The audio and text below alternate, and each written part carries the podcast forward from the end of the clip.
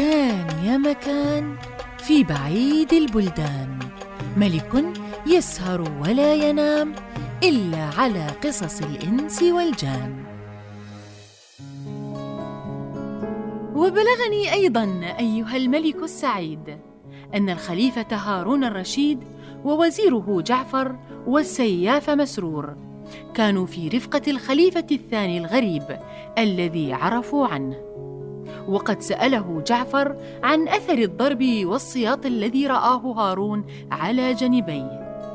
فابتسم الخليفة الثاني ثم صعد الزفرات وأنشد هذه الأبيات. حديثي عجيب فاق كل العجائب وحق الهوى ضاقت علي مذاهبي. فإن شئتم أن تسمعوا لي فأنصتوا. ويسكت هذا الجمع من كل جانب. واصغوا إلى قولي ففيه إشارة وإن كلامي صادق غير كاذب. فإني قتيل من غرام ولوعة وقاتلتي فاقت جميع الكواكب. لها مقلة كحلاء مثل مهند وترمي سهاما عن قس الحواجب. وقد حس قلبي أن فيكم أمامنا خليفة هذا الوقت وابن الأطايب. وثانيكم ثانيكم وهو المنادى بجعفر لديه وزير صاحب وابنث صاحب وثالثكم مسرور سياف نقمة فإن كان هذا القول ليس بكاذب. لقد نلت ما أرجو من المر كله وجاء سرور القلب من كل جانب فلما سمع منه هذا الكلام حلف له جعفر وروى في يمينه أنهم لم يكونوا المذكورين. فضحك الشاب وقال اعلموا يا سادتي أني لست أمير المؤمنين وإنما سميت نفسي بهذا لأبلغ ما أريد من أولاد المدينة. وإنما اسمي محمد علي بن علي الجوهري. وكان أبي من الأعيان. فمات وخلف لي مالا كثيرا من ذهب وفضة ولؤلؤ ومرجان وياقوت وزبرجد وجواهر وعقارات وحمامات وغيطان وبساتين ودكاكين وطوابين وخادمين وغلمان. فاتفق في بعض الأيام أني كنت جالسا في دكاني وحولي الخدم والحشم وإذا بامرأة قد أقبلت راكبة على بغلة. وفي خدمتها ثلاث خادمات كأنهن الأقمار. فلما قربت مني نزلت على دكاني وجلست عندي وقالت لي هل أنت محمد الجوهري؟ فقلت لها نعم هو أنا مملوكك وعبدك. هل عندك جوهر يصلح لي؟ يا سيدتي الذي عندي أعرضه عليك وأحضره بين يديك. فإن أعجبك منه شيء كان بسعد المملوك وإن لم يعجبك شيء فبسوء حظي. وكان عندي مئة عقد من الجوهر فعرضت عليها الجميع فلم يعجبها شيء من ذلك وقالت أريد أحسن مما رأيت. وكان عندي عقد صغير اشتراه والدي بمئة ألف دينار ولم يوجد مثله عند أحد من السلاطين الكبار فقلت لها يا سيدتي بقي عندي عقد من الفصوص والجواهر التي لا يملك مثلها أحد من الأكابر والأصاغر. فطلبت أن تراه ولما رأته قالت هذا مطلوبي وهو الذي طول عمري أتمناه. كم ثمنه؟ ثمنه على والدي مئة ألف دينار. ولك عليه خمسة آلاف دينار فائدة. فقلت يا سيدتي العقد وصاحبه بين يديك ولا خلاف عندي. فقالت لا لا لا لا لا لابد من الفائدة ولك المنة الزائدة.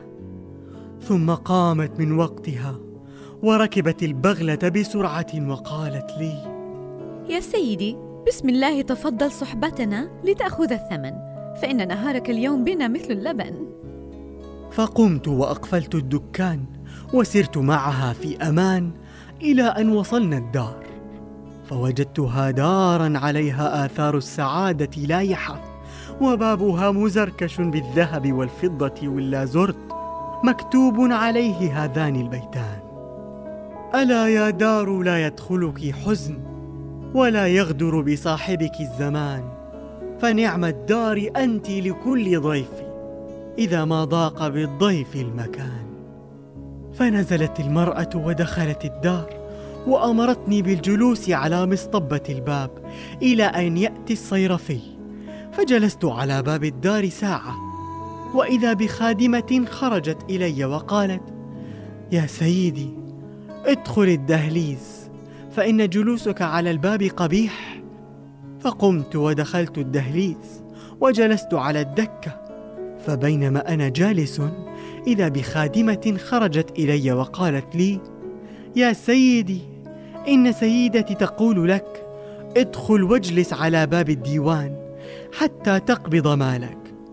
فقمت ودخلت البيت وجلست لحظة وإذا بكرسي من الذهب وعليه ستارة من الحرير وإذا بتلك الستارة قد رفعت فبان من تحتها تلك المرأة التي اشترت مني ذلك العقد وقد أسفرت عن وجه كأنه دارة القمر والعقد في عنقها.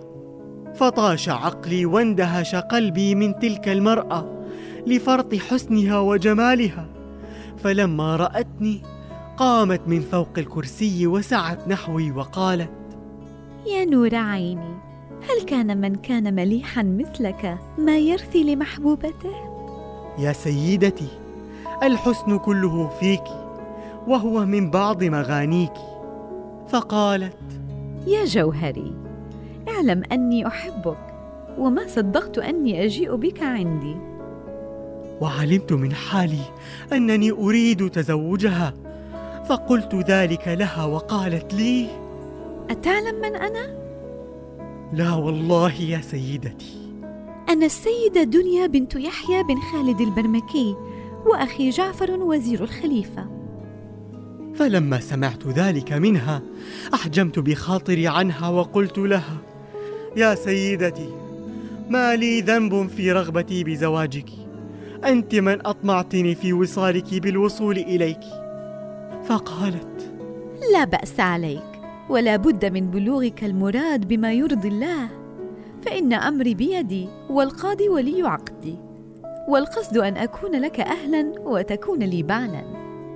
ثم إنها دعت بالقاضي والشهود وبذلت المجهود فلما حضروا قالت لهم محمد علي بن علي الجوهري قد طلب زواجي ودفع لي هذا العقد في مهري وأنا قبلت ورضيت فكتبوا كتابي عليها ودخلت بها وأحضرت آلات الراح ودارت الأقداح بأحسن نظام وأتم أحكام.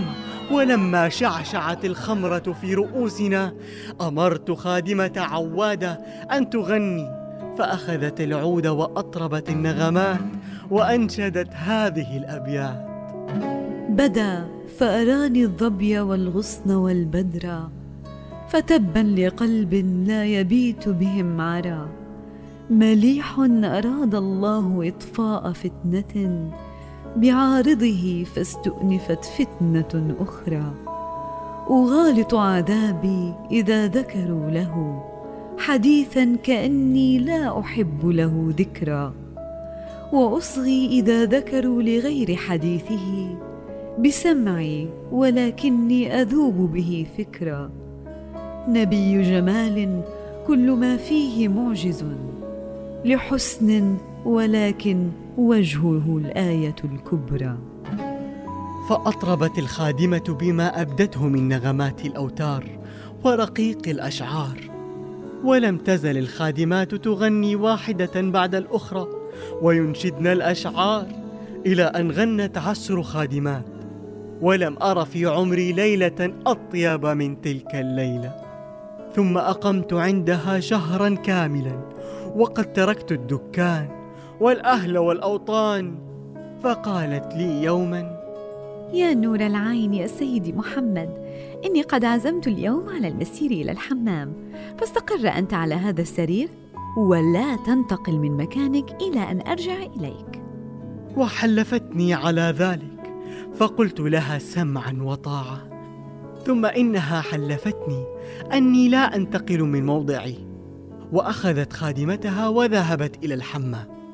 فوالله يا إخواني ما لحقت أن تصل إلى رأس الزقاق إلا وسمعت دقا على الباب. وأدرك شهرزاد الصباح فسكتت عن الكلام المباح.